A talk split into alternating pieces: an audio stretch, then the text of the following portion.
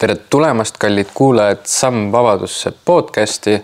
minu tänaseks külaliseks on mees, kes on eestvedaja sellistel ettevõtetel nagu Kolm Tilli ja Väike Kuuba. lisaks see mees on ka minu jaoks üks multitalente spordis, ta on olnud korvpallis meistriliigas ja jalgpallis premium-liigas. see mees on Mikk Valtna, tere Mikk. tere. Mikk, alustame sellest, et äh, ma nägin sind viimati suvel, kuskil pool aastat tagasi Väikses Kuubas. ma tulin sulle ligidale, ütlesin, et tule podcast'i, sa ütlesid siis juba, et davai, teeme ära. räägi mulle, mis sa selle aja jooksul nüüd poole aasta jooksul oled jõudnud nagu teha ja, ja mis sa hetkel teed? ma olen äh, poole aasta jooksul, noh, tegelikult ma viimalt defineeriks seda kui viimast võib-olla kahte aastat. Et äh, see ala, kus mina tegutsen ja no üldse, kus kõik inimesed on selles olukorras, on natuke nagu imelik ja teistsugune olnud viimastel aegadel ja see viimased pool aastat äh, noh, sinna sisse on mahtunud mingi kriis ja kõik need asjad. et äh, minu töö juures eriti on see nagu tohutu suur noh, löök või siis, või siis selline asi, millega peab hästi palju lahendusi leidma ja, ja eks ma olen sellega tegelenud suuresti mm. -hmm. ja noh, sealsamas Kuu balletis ma olin veel mõnda aega, siis me panime kinni, nagu ikka me suvel või talvel teeme. ja suur osa ajast on möödunud siis äh, muud tööd tehes mm -hmm.. okei okay., kui ma küsin nagu sedasi, siis äh, ma justkui nagu intros ütlesin, et minu jaoks sa oled justkui nagu multitalent spordis. ma ei tea väga palju inimesi, kes oleks äh, olnud nagu korvpallis meistriliiga tasemel mänginud äh, ja, ja samamoodi jalgpallis premium-liigas. räägi mulle, kas, kas sport on üks sinu kirgedest või kuidas sa nagu praegu sellel, sellele nagu suhtud? kas see on see asi, mis sind kõvasti köidab? no kindlasti, kindlasti, ma praegu ikkagi tegelen nagu spordiga, ma käin, käin igapäevaselt trennis ja noh, ma pean ennast rohkem jalgpalluriks, sest et äh, lihtsalt äh, kuidagi mu elu on niimoodi läinud, et võib-olla sihuke, et noh, see mind väga köidab nagu need mõlemad mängud, aga, aga siiski hetkel või siis mu viimased ajad ma olen rohkem jalgpalli mänginud ja ja ma näen nagu tõsiselt vaeva endiselt, ma loodan, et Äh, ma loodan, et äh,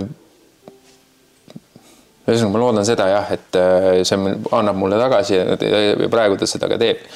ehk siis ma loodan, et see aeg, kui, kui, kui minu jaoks sport enam tagasi ei anna, ei, ei ole lähiajal mm. -hmm. Okay. aga samas on, samas nagu selline teatav mingi ühiskonna norm peksab nagu peale, et ma olen juba võib-olla mingi viis aastat mingi veteran olnud, eks ju mu võistkonnakaaslased jalgpallis on äh, suuresti minust kakskümmend aastat nooremad, isegi mõned nooremad mm. -hmm. aga noh, Eestis on see kuidagi teistmoodi, et, et, et kõik need, kes sporti vanemalt teevad, siis nemad on nagu siuksed igiliikurid või ma ei tea mm. -hmm.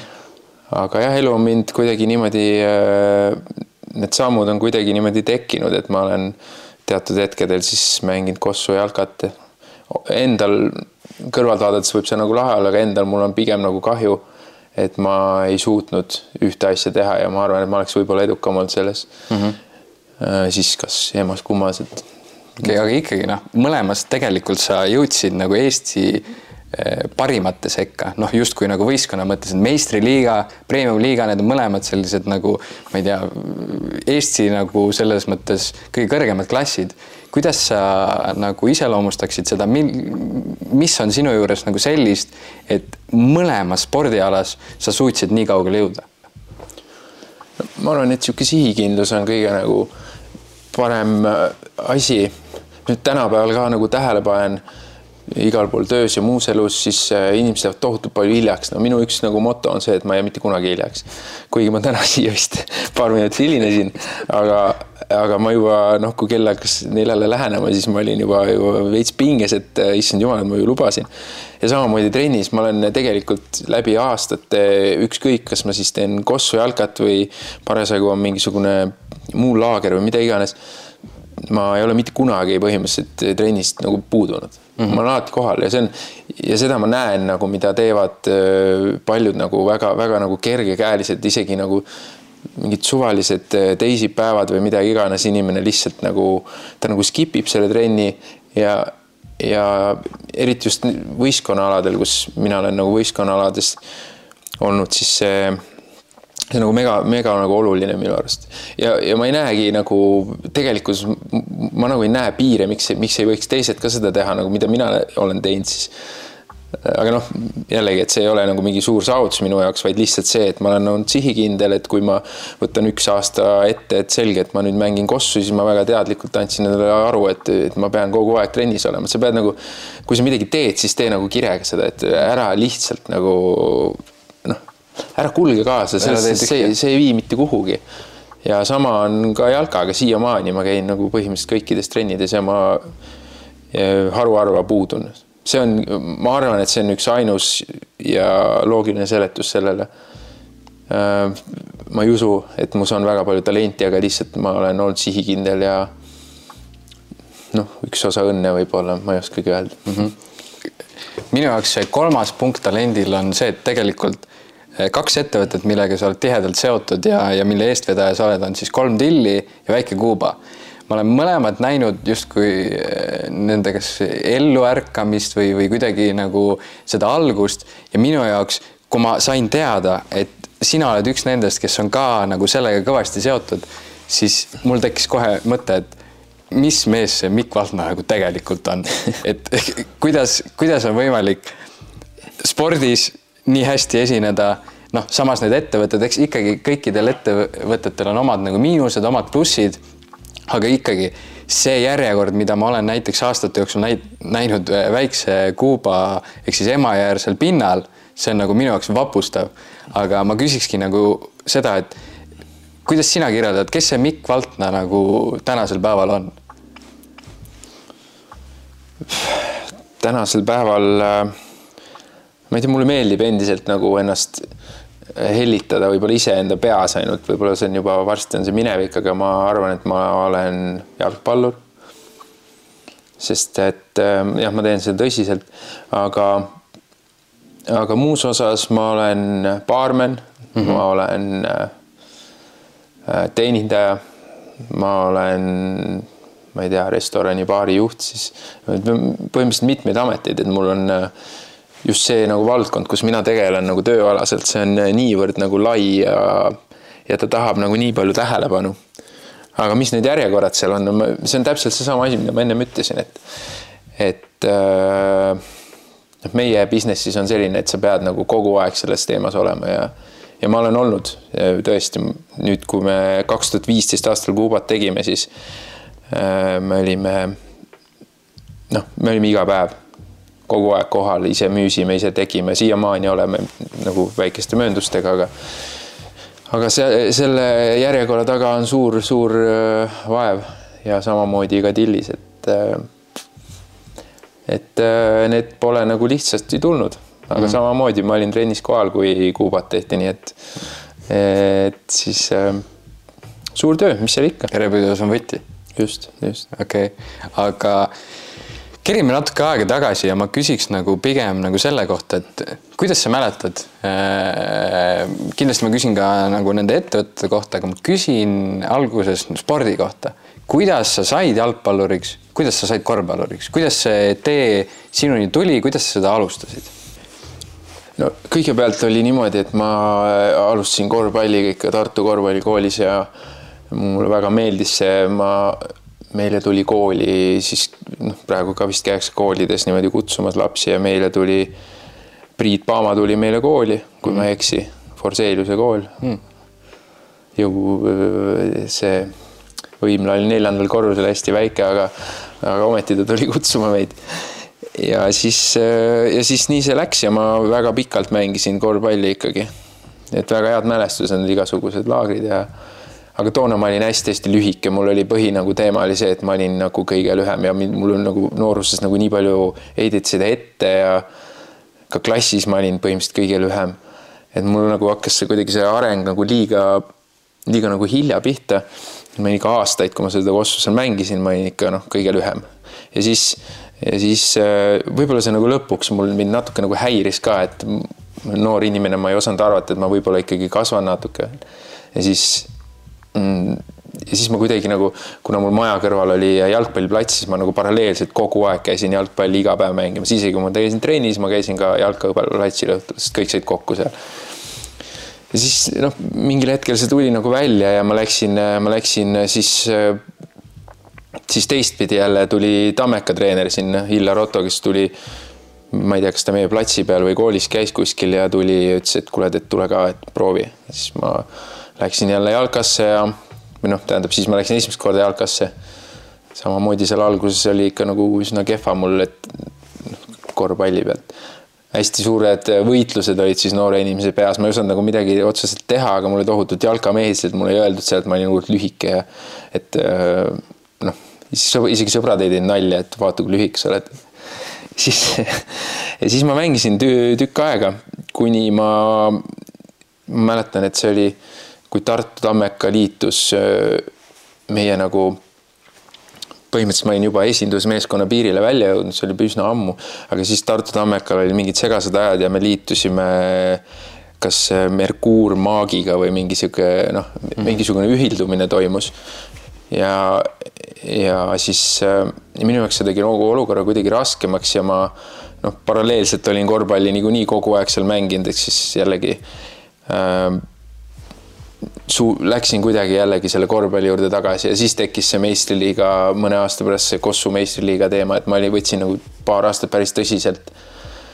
no ja siis jällegi, kui see korvpalli asi seal meistriliigas nagu lõppes, siis ma olin niisuguse klubiga nagu Velko paralleelselt kogu aeg seotud, ma olin aastal kaks tuhat kaheksa, kui Velko esimest korda Äh, Eesti siis liigasüsteemis mängima hakkas jalkat, siis ma olin, äh, olin kohe esimesest mängust seal nagu võistkonnas, mind sõbrad Mart Raamat ja igasugused äh, tegelased kutsusid mind. ja noh, mul tuli see jalka nagu kuidagi siis välja jälle ja, ja Kossu tegin muidugi paralleelselt, aga aga jah, pärast seda ma nagu jäin, jäin, kui Kossu meistriliiga ära lõppes, siis ma jäin nagu, jäin nagu jalka peale tõhet ise tihedalt seotuks, sellepärast et see Velko asi on aasta-aastalt ainult arenenud, täna me oleme, mis on kaks tuhat kakskümmend kaks, on päris vana klubi juba tegelikult ja me oleme Eesti liigasüsteemis põhimõtteliselt äh, hüppame seal teise-kolmanda vahel viimastel aastatel. Et seda järgmist hüpet teha on väga palju igasugust ressurssi ja kõike vaja et äh, selline see lugu on, põhimõtteliselt niisugune edasi-tagasi hüppamine on olnud, aga kõigil on omad nagu põhjused olnud ja ma ei ole suutnud või osanud neile oma elus kahjuks või õnneks mingit pidurit panna, et see on kuidagi läinud niimoodi.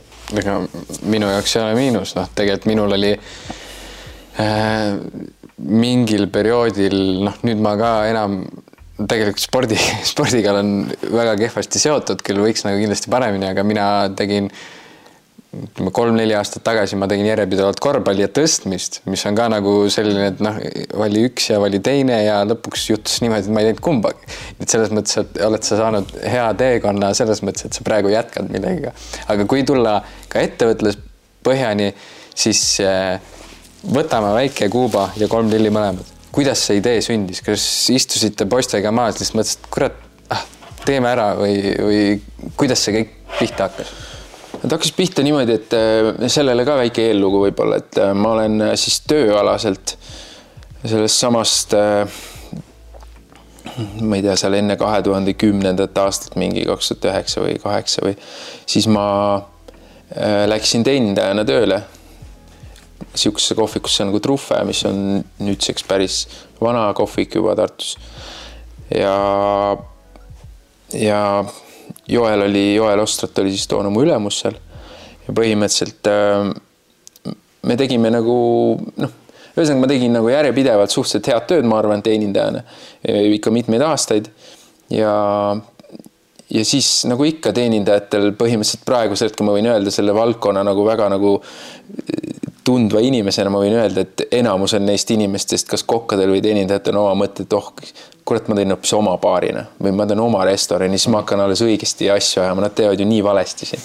ja siis meil oli ka kogu aeg nagu sihuke mõte, et mitte, et nagu, et nagu ma oleks kuidagi äh, rahulolematu oma töö suhtes, vaid, vaid meil oli nagu selge mõte äh, mu sõbra Karliga, kellega me enamus asju koos teeme, oli mõte, et me teeme nagu baari omale ja siis tuli Tartu linnavalitsusel tuli mingisugune konkurss jõeäärsetele kohtadele.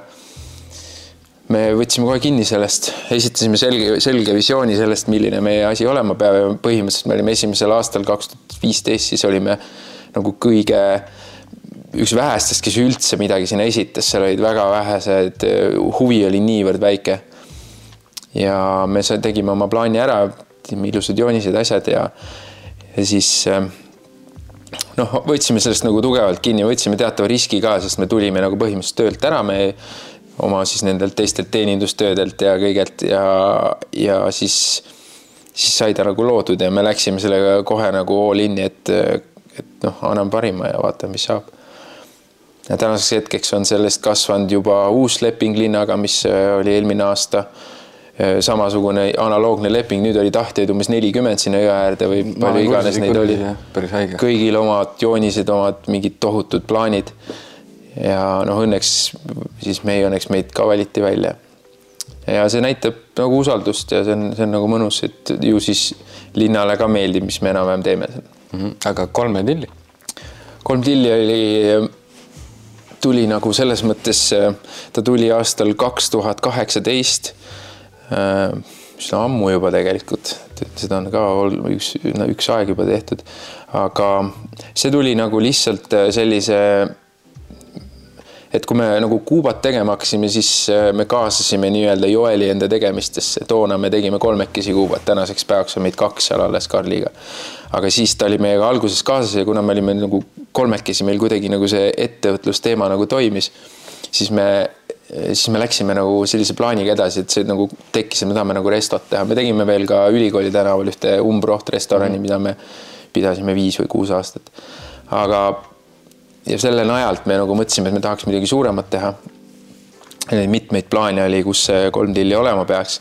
lõpuks õnneks ta, õnneks ta sattus apareitehasesse, mis oli ka väga riskantne valik toona, sest et keegi ei taha ju teha restorani kuskile linnast välja või mingis sellest epitsentrist kaugemale, aga, aga jah, ta jõudis kuidagi niimoodi, et selle paari elu nagu paralleelselt mingisugune mõte, et teeks, teeks mingi koha, kus on lahe olla ja kus on võib-olla noh, omad nagu kolm tilli täna on, et seal on noh, mõnus olla eelkõige. niimoodi ta tekkis. küsimus on veel see, et selles mõttes, et ma ennist mainisin, et nii palju nagu asju, mis on nagu seotud sinuga. Kas on mingisuguseid selliseid, noh, ma ei ütle kohe nagu oskuseid või mingisuguseid asju veel, mida tegelikult äh, sa teed justkui ka enda jaoks nagu väga hästi peale siis jalgpalluriks olemise. noh, võib-olla sa ettevõtlust enda jaoks ei tee veel piisavalt hästi, aga kas on mingi asi veel, mida sa hindad enda juures nagu kõrgelt, mida sa teed hästi ja mida sa järjepidevalt veel tahaksid arendada ja veel teha? Äh, esiteks ma, ma olen äh, loomu poolest hullult enesekriitiline inimene, ma arvan, et ma ei tee põhimõtteliselt mitte midagi väga hästi, sest ma alati arvan, et äh, on olemas paremaid lahendusi ja paremaid. et, et kindlasti on olemas paremaid inimesi, kes saavad nende asjadega paremini hakkama, lihtsalt annan endast kõik ja, ja nii ta on. aga võib-olla, mis ma teinud olen, ma, ma teen bändi juba päris pikalt, meil on oma, oma bänd, mida me oleme ka ikka aegade jooksul ikka suuri esinemisi ka teinud ja see, see on ka nagu võtnud selle äh, nagu sihuke kõrvaltegemine olnud. aga praegu, kui ma mõtlen, siis ma tõesti üritan anda endast kõik nendes asjades, mis ma teen, me arendame oma, oma ettevõtlust edasi, meil on mitmeid plaane, varsti on kolm tilli Tallinnas näiteks. ja, ja samamoodi Väike-Kuuba on paar aastat Pärnus olnud seal on järjekorrad isegi veel pikemad ja noh, me tegeleme selliste enda nii-öelda võib-olla tegevuse laiendamisega praegu rohkem mm. -hmm. et ma ei jõua nagu mõelda muudele asjadele, mis ma hullult tahaks teha. Äh, aga kui rääkida, mis mulle meeldib teha, siis kindlasti reisida mulle tohutult meeldib, ma käin alati aastas ikka noh, kui olid siin normaalsed ajad, ma ikka üritasin ikka neli-viis korda käia vähemalt mingil reisil ja ja ja noh, sport ikkagi tegelikult sport on võib-olla kõige läbivam joon, mis ma, mis hoiab mind nagu värskena, mis äh, mulle tohutult äh, rõõmu pakub. ja, aga no spordis ma ei ole, ma ei, ma ei oska endale panna enam äh, mingit eesmärke, et ma pean olema parem, vaid ma pigem nagu on see nagu isegi sihuke põnev, et huvitav, kuidas nagu, kuidas ma saan hakkama nagu endast kakskümmend aastat nooremate vastu, et see nagu, see on nagu sihuke põnev väljakutse ja tihtipeale sa nagu kas siis pettud või üllatud või mm, jah, sihuke, sihuke asi ta on mm -hmm.. okei okay., aga tulen siis sellise küsimuse juurde, et sinu nagu sõnades hästi palju kumas sõna nagu järjepidevus, mõnes mõttes töökus, aga noh, kindlasti need on kaks asja, mis praegu nagu välja kumasid. oletame, et on, küsin sinu käest rohkem nagu nõu poole pealt, kui ongi mõni noor, kes võib-olla vaatab seda podcast'i, ta mõtleb, et kurat, et et ja mulle ka võib-olla see resto asi on täiega rohkem nagu meeldinud ja, ja samas ajal või, või vastupidi, ta on olnud väga hea sportlane või siis mingil heal tasemel sportlane, siis millist nõu sa oskaksid talle anda, et ta jõuaks kas sellisele heale tasemele, võib-olla isegi veel paremale tasemele kui sina ise? no kindlasti on see, et mingil, mingitel eluetappidel nagu mida ma enda pealt olen näinud, on on, on see, et äh, nagu inimesed kipuvad loobuma. justkui nagu, kui ma nagu puhtalt nagu sporti mõtlen, siis, siis äh, noh, mul on ka nagu ülipalju siukseid olukordi, kus ma olen, olengi lihtsalt võib-olla isegi loobunud ja, ja kõik nagu näitab nii, aga, aga tegelikkuses äh, nagu sportlase tee on ikkagi üsna pikk ja, ja, ja kui isegi nagu just see nagu see meeste nagu vanusesse või selline mängima minemine, kus iganes. ma räägin siis võistkonnaaladest võib-olla kõige rohkem, et eh, noh, see, see on nagu keeruline hüpe ja tegelikkuses eh, et ei tasuks nagu käega lüüa, kui see isegi sul läheb paar aastat, nagu sul võtab aega see kohanemine või siis, või siis selline ühesõnaga ma, ma soovitan kindlasti mitte käega lüüa, et see on võib-olla kõige lihtsam seletus sellele ja inimesed peaksid olema jah, järjekindlamad. samamoodi ettevõtluses, et kui keegi tahab teha restorani, siis tegelikult äh, restorani tegemine on üli, üli super lihtne, nagu lihtsalt äh, tee restoran, äh, igaüks saab uksed avatud ja saad oma paberid täidetud, aga aga järjepidevus tuleb siis mängu, kui sa saad nagu, et et olla iga päev avatud, pakkuda just seda toitu, stabiilsust, kõiki sööke, jooke, mida sa iganes pakud, et et sul peab olema nagu sihuke noh, sa ei tohi nagu alla anda. eks see muidugi on palju keerulisi asju, mis panevad alla andma, aga, aga kui olla ise õigel suunal ja enda kõrval koondada inimesi, kes, kes, kes on head inimesed, siis noh, siis, siis see suund, sa leiad selle suuna üles ja ma usun, et igat ettevõtvat inimest tabab mingil hetkel rahulolu ja selline heaolutunne, et, et jube hästi ajan asja mm. -hmm. aga millal peaks justkui aru saama, et, et võib-olla see ei ole ikkagi sinu asi, et kuidas nagu, kas peaks rohkem kuulama oma südant või, või kuidas peaks järeldama, et see teema võib-olla ei ole päris sinu, sest noh, ilmselgelt kõik ei saa restorani avada, kõik ei saa sporti teha hästi, kõik ei saa laulda hästi ja nii edasi ja nii edasi ja nii edasi. kuidas, mis, mis sa arvad, kuidas äh, väljendub see, et see nüüd antud asi ei ole tegelikult sinu?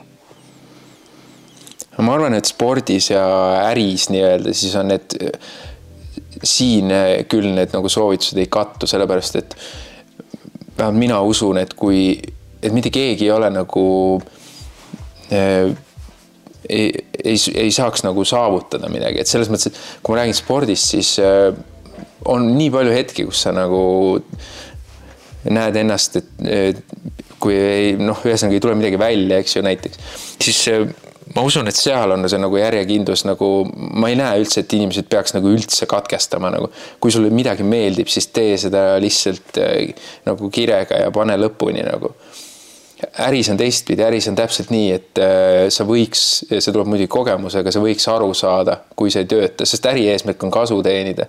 spordi eesmärk minu jaoks on, äh, on äh, oma iseenese heaolu nagu suurendada mm. -hmm. ja kui ma räägin nagu mingist saavutamisest, siis ma usun, et see spordis on kõik võimalik lihtsalt, et äh, oleneb lihtsalt, mis tasemel ja mida sa saavutada tahad, et kas sa tahad olla siin maakonnas parim või kuskil riigi tasandil. ma arvan, et see on kõik võimalik ja sul lihtsalt, äh, lihtsalt peab olema tahet. äris on jah teistpidi, äris on, äris on igasuguseid soovitajaid ja ma ei tea, igasuguseid inimesi ümbritseb sind, kes tahab võib-olla su äri ära osta või, või midagi sellist, et sa pead seal nagu natuke nagu rohkem jah, peaga mõtlema äh,. aga aga siiski ka äris, kui sa oled järjepidev, siis ma usun, et kõik on võimalik lihtsalt, et sa pead mõtlema nutikalt igast mõtteid, kuidas, kuidas see pidev areng on võib-olla selline märksõna mm. -hmm. sa mainisid ühe väga hea sellise terava lause, et, et kui keegi tahab ära osta, kas kolmele tillile või väiksele kuubale on tehtud pakkumisi, et ikka on aeg-ajalt jah.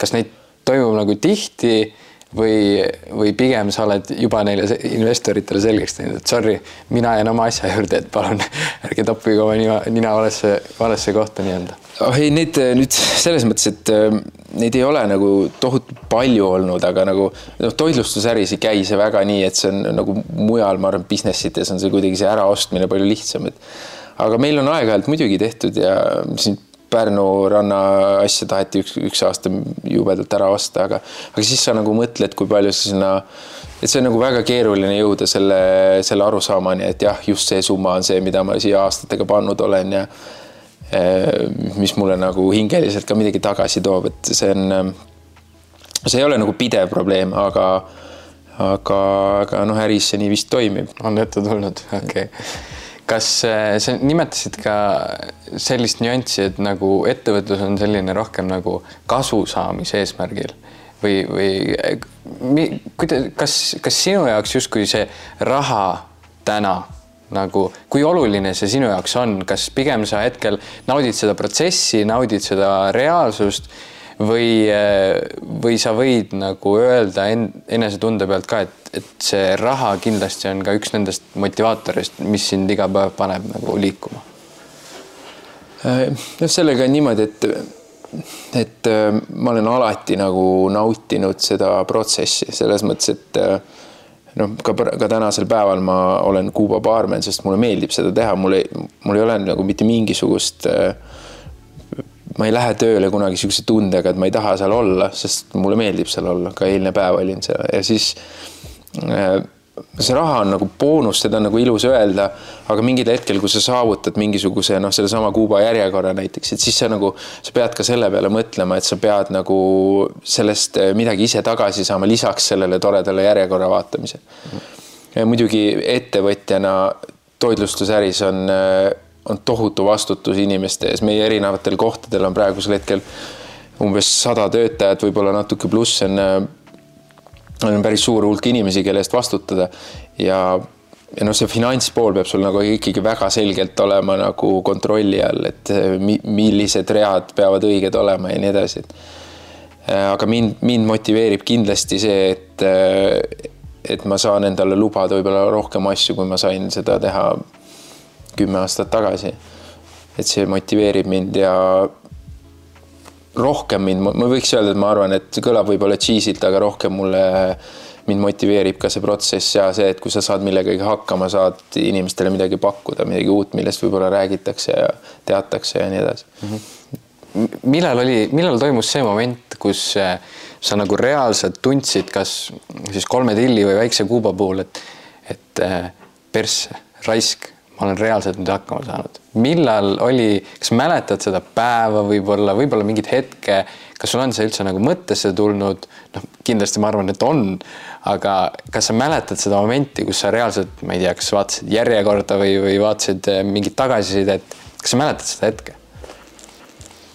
tegelikult ei mäleta selles mõttes, et äh, see, jällegi see, see toitlustusäri, mida ma siin kogu aeg räägin, on see, see on nii nagu habras asi, see on nagu, ma ei tea, võib-olla kõige hapram äridest üldse. selles mõttes, et me tegeleme põhimõtteliselt igapäevaselt inimestele nagu heaolu pakkumisega, aga äh, me ei müü mingeid lennukimootoreid või midagi, ma müün reaalselt sinule emotsiooni ja süüa ja juua ja kui sa, kui sa, iga inimene, sa tead ka oma sõpru, ma arvan, et kui sa sööd kuskil, sööd kaks korda, on jube hea, kolmas kord on jube halb, siis sa lähed räägid sellest kõigile.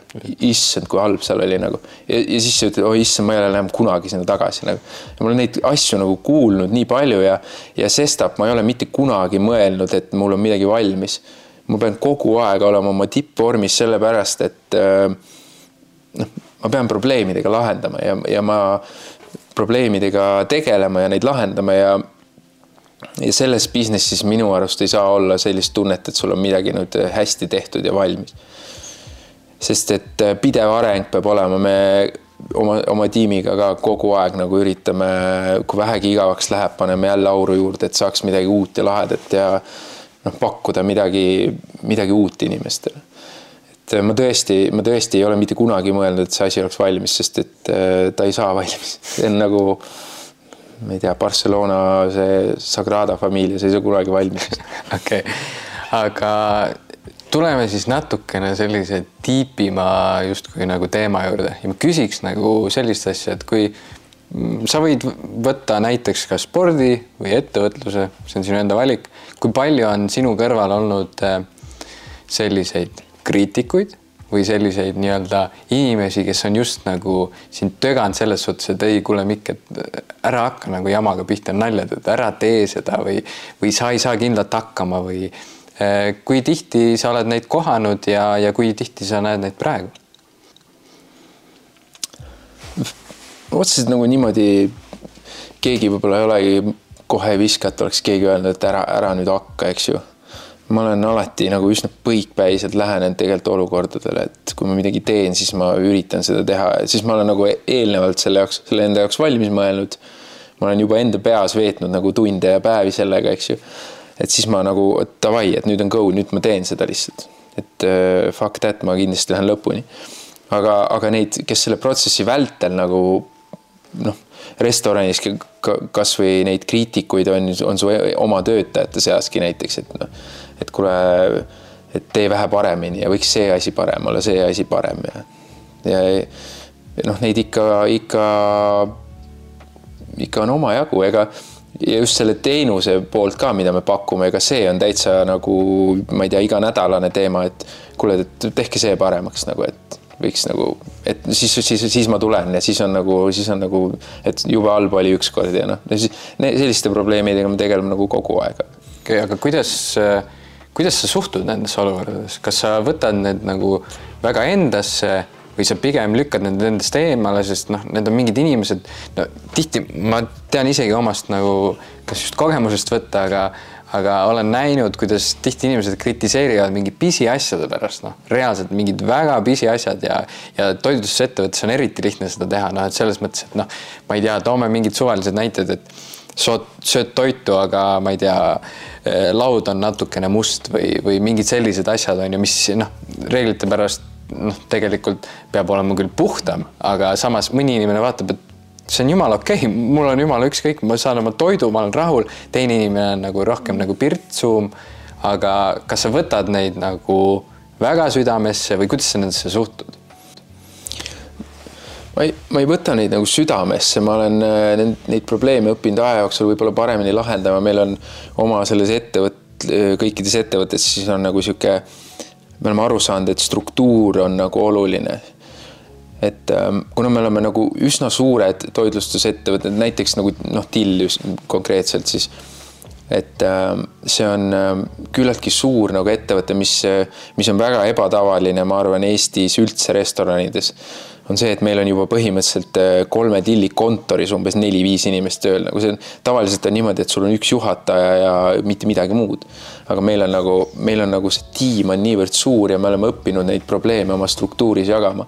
ehk siis me, minu ülesanne võib-olla ongi nende probleemidega kiirelt tegelemine, juhtimine, tähelepanu juhtimine õigetele inimestele ja noh, ma pean mingeid asju, ma pean nagu kõrvust mööda aga laskma, kui mingi, mingi inimene tuleb, ütleb mulle, pitsa on kõrbenud, on siis siis äh, ma, ma ei lähene sellele niimoodi, et ma hakkan ta peale sõimama, et kuule, et äh, kõrbenud pitsa on normaalne, vaid ma üritangi talle rääkida, mis asi on Napoli pitsa näiteks. et kui sul on üks, üks ots seal pealt kõrbenud, siis see peabki nii olema nagu. et ma, ma üritan kuidagi siis kommunikeerida inimesele, mida, mis, mis toodet me tegelikult pakume. et äh, me proovime olla oma nagu tootes väga-väga nagu stabiilsed ja, ja kui, kui keegi avaldab kriitikat äh, mingisuguse täiesti jabura, jabural põhjusel, mis, mis, mis käib meie toote kohta, mis ei ole nagu otseselt õige, siis ma ei, ma ei lase seda nagu mitte kuidagi ennast nagu välja viia. sama lugu, ma ei tea, sellesama Mojitoga näiteks et aastate jooks, jooksul on ikka omajagu inimesi öelnud, et mis kuradi moosipurke te pakute siin, aga noh, lõpptulemus on see, et ikka terve Tartu Eesti on kohal seal. et ma, ma ei pea nagu jah, ma pean laskma endast mööda seda kriitikat ja, ja nagu ma ütlesin, siis meie äris on see lihtsalt eh, iga, igapäevane noh, et kõik ju kirjutavad, eh, alati inimene kirjutab siis kui halvasti ja mitte siis kui hästi. see on nagu eestlasele vist omane. ma, ma arvan, et ma ei teagi tegelikult hetkel praegu mitte ühtegi inimest, kellel ei oleks vist nagu kriitikuid, noh ma arvan, et selles mõttes, et noh, üks asi on kindlalt see konstruktiivne kriitika, et kui sa üritad inimest aidata, on ju, see on igati okei okay., aga täna ma ei tea, nii palju, kui mina sotsiaalmeedias aega viidan või, või kuskil, kus iganes ma ka ei oleks, ma tean, et enam-vähem kõikidel inimestel on olemas see, see selline tögamisinstinkt, see ongi täiesti eestlaslik, ma olen täiesti nõus sinuga, et noh, mingi väike, väike asi rikub sinu tänase päeva ja siis sa lähed kolme tilli sisse ja mõtled, et sõimad paar, baarmeni või ükskõik keda, on ju, et see on, ma arvan, et see on suhteliselt tavaline ja, ja eks see nii ole. aga tuleme nagu podcast'i teema juurde. kui palju eh, vabadust annavad sulle sinu kired, ehk siis noh, praeguseks tegelikult sa praegu teed ka natukene kossu küll, aga võtame spordi, ettevõtlust. kui palju see annab sulle sellist nagu vabadust, mis, mis sa oskad selle kohta öelda? no ma arvan, et kõige suurem vabadus ja üldse, mis, mis minu jaoks tähendab vabadus, on, ongi, ongi see, et äh, ma saan tegeleda asjadega, mis mulle meeldib, lihtsalt eks neid äh, noh, neid se, sellel põhjal, just selle äriajamise põhjal on mul ikka väga tihti tegelikult öeldakse, et kuule, et kaua sa jõuad ja tõmba hoogu maha ja nagu. aga no ma ise näen seda hoopis teistmoodi, et, et ma olengi nagu veits selline vaba ja ma, ja ma suudan nagu kommunikeerida või oma nagu ülesandeid siis kuidagi või et noh, ma üritan, et see ei oleks minu jaoks mingisugune mingisugune elu lõpp umbes, et mul on mingi mitu restorani ja nii edasi. et äh, vabadus on see jah, mida ma, asjad, mida ma saan teha. ja ma arvan, et siin, siinkohal ei tasuks nagu minu jaoks kindlasti ei ole õige, kui äh, vabadust hakatakse nagu teiste poolt kuritarvitama, et tulevad mingid inimesed, kes ütlevad sulle, kuidas sa elama pead, see on nagu, see on nagu kõige kohutavam asi lihtsalt kuulen mingeid inimesi, kes äh, elavad kuskil Kõrvekülas oma kahekordses majas ja ja, ja, ja, ja otseselt nagu muud mitte midagi, siis nad lihtsalt kritiseerivad teisi, et nagu, et kuule, et kuna sa nagu, kuna sa nagu päris inimeseks hakkad, meie tööl on see hästi-hästi tavaline, näiteks teenindajad. see on mulle väga hingelähedane teema, sest et ma ei tea, see on nagu mingisugune Eesti selline jälle sihuke, sihuke trots või või me, me oleme nagu tegelikkuses selles minu valdkonnas, me oleme sellises seisus, kus inimene saab vist, ma ei tea, kakskümmend viis ja siis ta on juba nagu piinlik, et ta on teenindaja. see on, see on üli, üliveider teema. Okay.. ja ma olen väga nagu alati sellises, ma nagu alati nagu sisimas küsin, et kes sa oled, et sa nagu ütled teistele niimoodi ja noh, kui mõtlen nagu maailmas, ma ei tea, lähed Lõuna-Euroopasse, siis teenindajaks peab kõigepealt õppima, et selleks, et saada sinna leti taha või baari taha, et et kui kuidagi nagu maailma, maailma näitel on igal pool nagu hoopis teistmoodi, meil on nagu sihuke hoiak, et ja, ja ma näen, et see on vabadus, just, just seesama väike näide, et kui ma saan otsustada ise, mis ma teen, mis ma, mis mulle, mis mulle meeldib, siis ma olen vaba inimene ja ma arvan, et see nii ongi. kas sina täna oled Mikk Vaba? ma usun küll, jah okei okay.. mulle, mulle nagu, ma näiteks seesama teenindamine baaris ole mulle, mulle meeldib. väga palju on kriitikuid, kes nagu, kuule, kaua sa jõuad, et kas sa nagu pead või miks sa kodus ei ole või, või nagu fuck off, ma lihtsalt tahan teha seda, noh. sellepärast ma olen siin praegu ja pakun sulle seda jooki, ära vingu nagu mm. -hmm. et nagu, kas sa ei näe, et ma olen õnnelik või see on alati niisugune nagu sisimas, aga ma noh, ei ütle seda välja muidugi mm. -hmm. ei noh, täpselt tõsi, noh, ega minul on täpselt sama, sama lugu, noh, ma olen täpselt sarnaste asjadega puutunud, küll ma ei tegele restoraniäris, aga vahet ei ole, mis äridega ma kokku puutun. ma näen selliseid inimesi suhteliselt tihti. see ongi, tegelikult see on jah, üks, üks mõte oli sul õige, see on justkui eestlaslik, ma olen sinuga nagu nõus. aga teiseks on see, et noh, et inimesed on selles mõttes, ma ei tea, kindlasti annan sulle kommentaari selles, selles mõttes, aga ma näen nagu seda, et kui võtta kogu nagu ühiskond Eestis, siis ma näen, et on väga palju inimesed, kes tänaseks päevaks ei ole saavutanud seda justkui sellist vabadust. Nad äh, käivad oma tööl kaheksast viieni ja mis on igati okei okay. kui sa tahad tööl käia, käi, aga mis on kõige suurem nagu probleem on see, et nad ei ole selle jaoks leidnud endal mingit, mitte mingit kirge. Nad on, käivad tööl, tulevad peale viit koju. Nad on emotsionaalselt väga pinges, neile ei meeldi see, mida nad teevad. tihti reede jõuab kätte, siis võetakse purk kätte või minnakse levelisse või shootersisse, mis iganes. elatakse see kõik välja ja alustatakse uue nädalaga pihta et see ongi, ma arvan, meie ühiskonna üks kõige suurem probleem, et, et inimesed on, ma ei ütle, et võhikud, aga inimesed ei saa aru, miks või kuidas või kui tähtis on see, et, et leida elus oma nagu kirg. mis sina arvad? Ma olen alati arvanud seda, et kui ma võtan nagu, võtan nagu maailma ja siis võtan ühe päeva kui ma jagan need tunnid ära, siis ma olen alati arvanud, et kõikidel tundidel peavad inimesed, keegi peab ikkagi töötama või midagi tegema ja ma, ma, ma nagu ei saa aru sellest ühiskonna nagu sihukesest normist siis, et et kui ma saan nagu mingi kakskümmend viis või ma ei tea, siis ma lähen tööle hommikul kell üheksa ja tulen kell viis, ma ei saa sellest aru. Ma olen alati teadvustanud endale, et, et maailm on just sellepärast lahe paik, et, et ka nendel teistel tundidel keegi töötab ja teeb midagi ägedat siin. et, et tegelikult peavad kõik tunnid kaetud olema, et maailm toimiks ja ma ei leia, et kuidagi ta peaks inimesi vaatama veidralt või midagi, sellepärast et nad näiteks õhtul töötavad või hoopis öösel või mida iganes.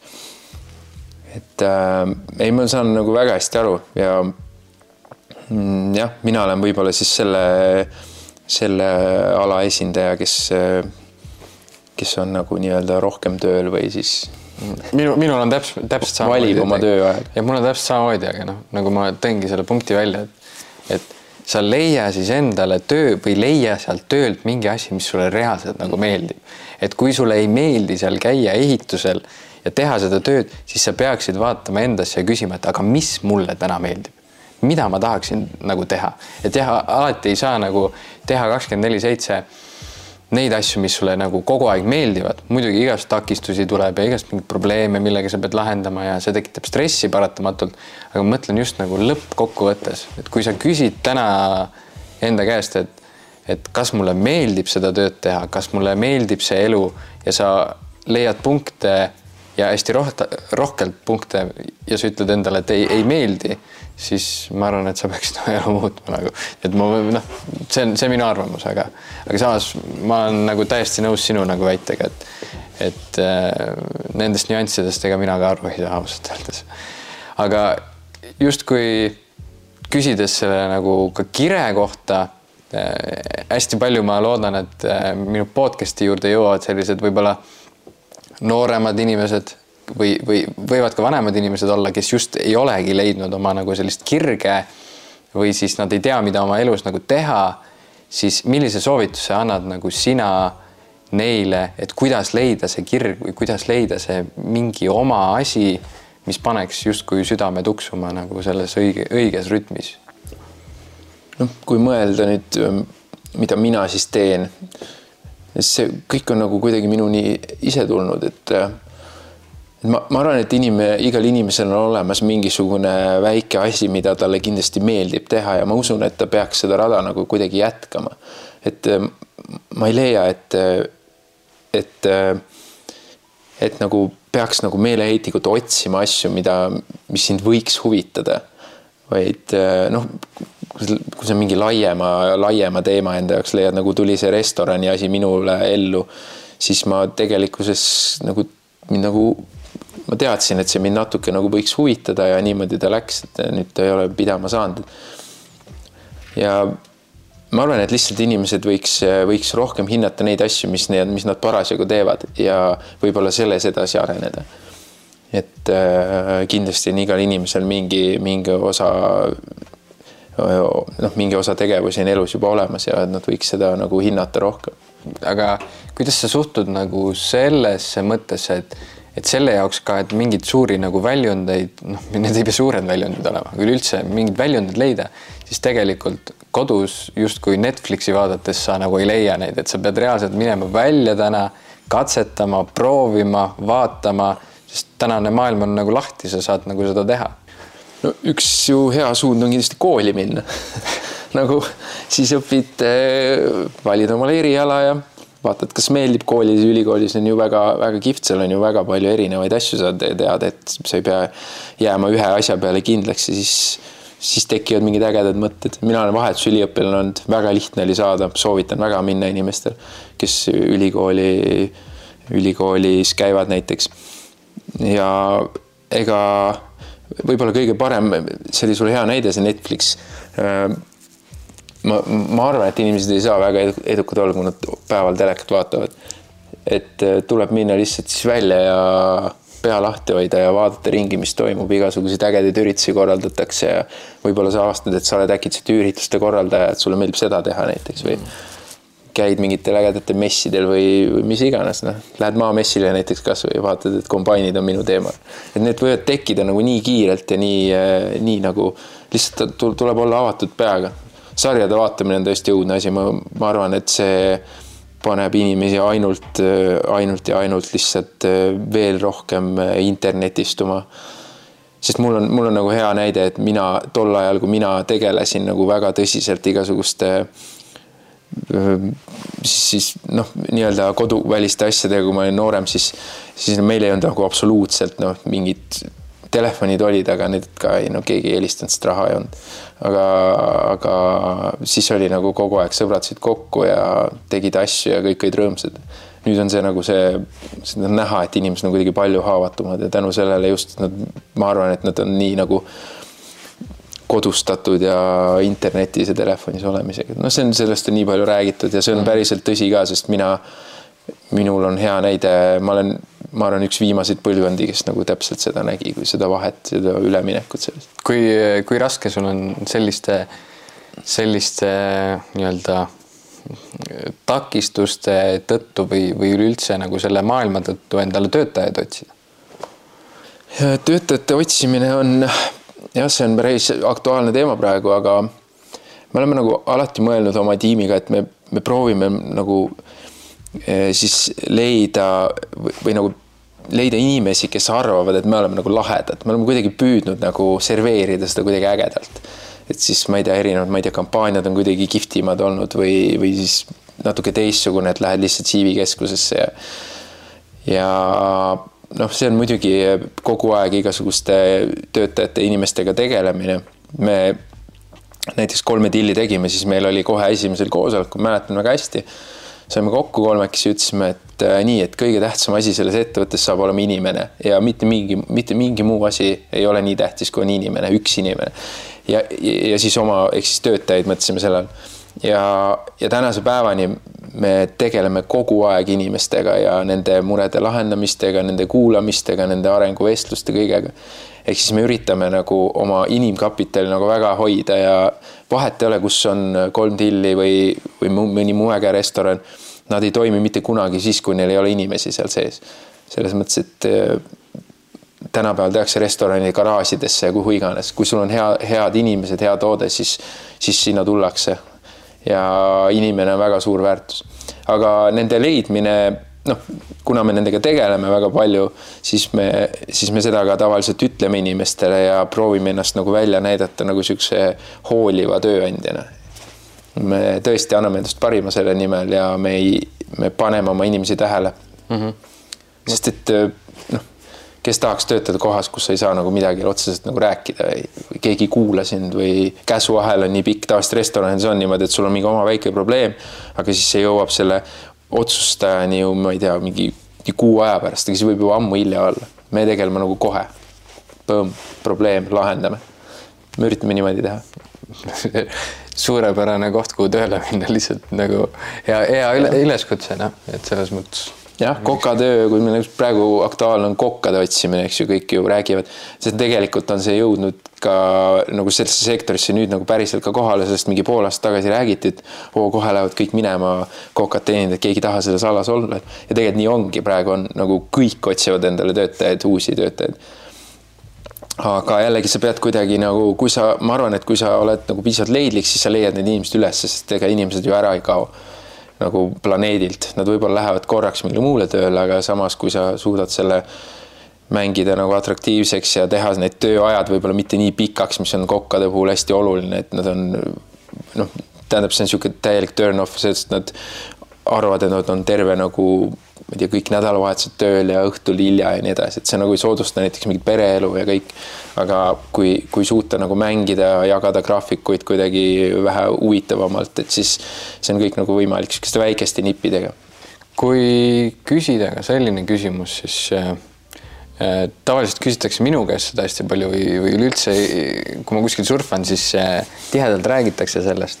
aga küsin ka sinu käest, et kui palju on äh, sinu elus olnud selliseid suuremaid äh, justkui ebaõnnestumisi või, või asjade nagu kehvasti klappimisi ja kuidas sa nendest tavaliselt nagu välja oled tulnud või, või, või kuidas see sind või siis sinu ettevõtlust, võib-olla sporti, kuidas see kõike seda muutnud on?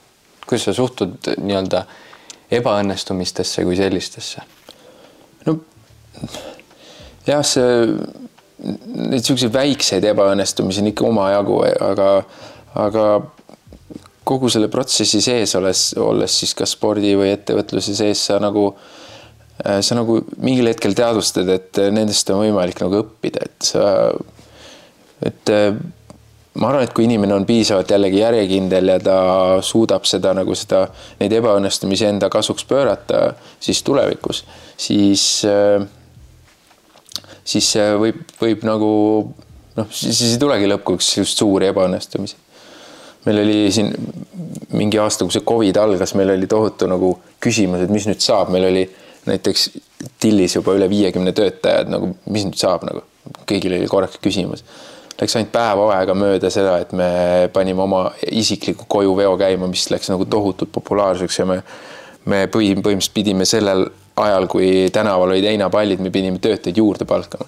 ja see kõik nagu tekkis kuidagi nii kiirelt ja nii nagu ägedalt ja me suutsime mitte ainult ennast päästa, vaid me olime nagu päriselt nagu laineharjal lihtsalt ja, ja kuidagi nagu no jällegi see, see ongi nagu konkreetne ebaõnnestumine, kui sulle AK-st öeldakse, et nii, et nüüd on kõik kinni mitte midagi ei toimunud. siis mõtleb kohe, et kuidas ma nendele kõikidele peredele, kes meil seal põhimõtteliselt nagu inimesed, kes töötavad ja et kuidas sa selle nagu hakkama saad, siis aga alati on lahendus olemas, ma arvan, et tasuks alati mõelda nagu lahtise peaga, et et äh, need ebaõnnestumised on hetkelised, aga lihtsalt see ju suur, suur pilt läheb edasi.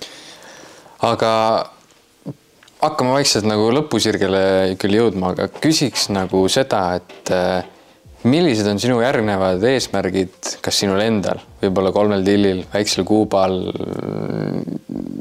ükskõik milliseid eesmärke võid siin kohal nagu välja tuua, millised need on ja, ja mis sa järgmiseks nagu ihkad, mille nimel sa edasi nagu tööd teed, mis sul järgmised sihid nii-öelda on? no võib-olla nagu siukseid väiksemaid asju võib-olla ei, ei nimetaks, aga, aga aga noh, üldjuhul minu eesmärk on kogu aeg ikkagi areneda nagu nii spordis kui ettevõtluses. spordis ma ei tea enam, kas ma võimeline arenema, aga ma ikkagi ise usun sellesse natuke. et alati saab igast asjast kaasa võtta midagi. ettevõtluses kindlasti lihtsalt edasi arendada ja tõenäoliselt tuleb ebaõnnestumisi, aga need on ettevõtluse osa ja lihtsalt jätad maha, lähed uute asja, lahedate asjadega edasi. et äh, et niisugune pidev areng, ma ütleks, ma olen rahul, kui ma arenen. Ja noh, elada on veel kõvasti ja ma usun, et ma suudan nagu selle, selle protsessi käi-, käigus veel kõvasti edasi areneda. Mm. Sa, sa nimetasid siin, et noh, varsti tuleb kolm tilli Tallinnasse ja kas on tulemas veel mõningaid uuemaid restorane või kas sa saad neid asju avaldada või, või kas on mõttes olnud või, või Väikse Kuuba sarnaseid, noh, ma tean, et Riki Tiki vahepeal oli teema, on ju. et kas veel selliseid nagu eesmärke on tulemas või, või tahaksid sa näiteks kätt ka proovida mõnes muus ettevõtluses, noh, ma ei ütle kohe, et sa peaksid endal tanklaäri avama või midagi sellist, aga kas on mingeid mõtteid ka nagu juba otseselt tekkinud?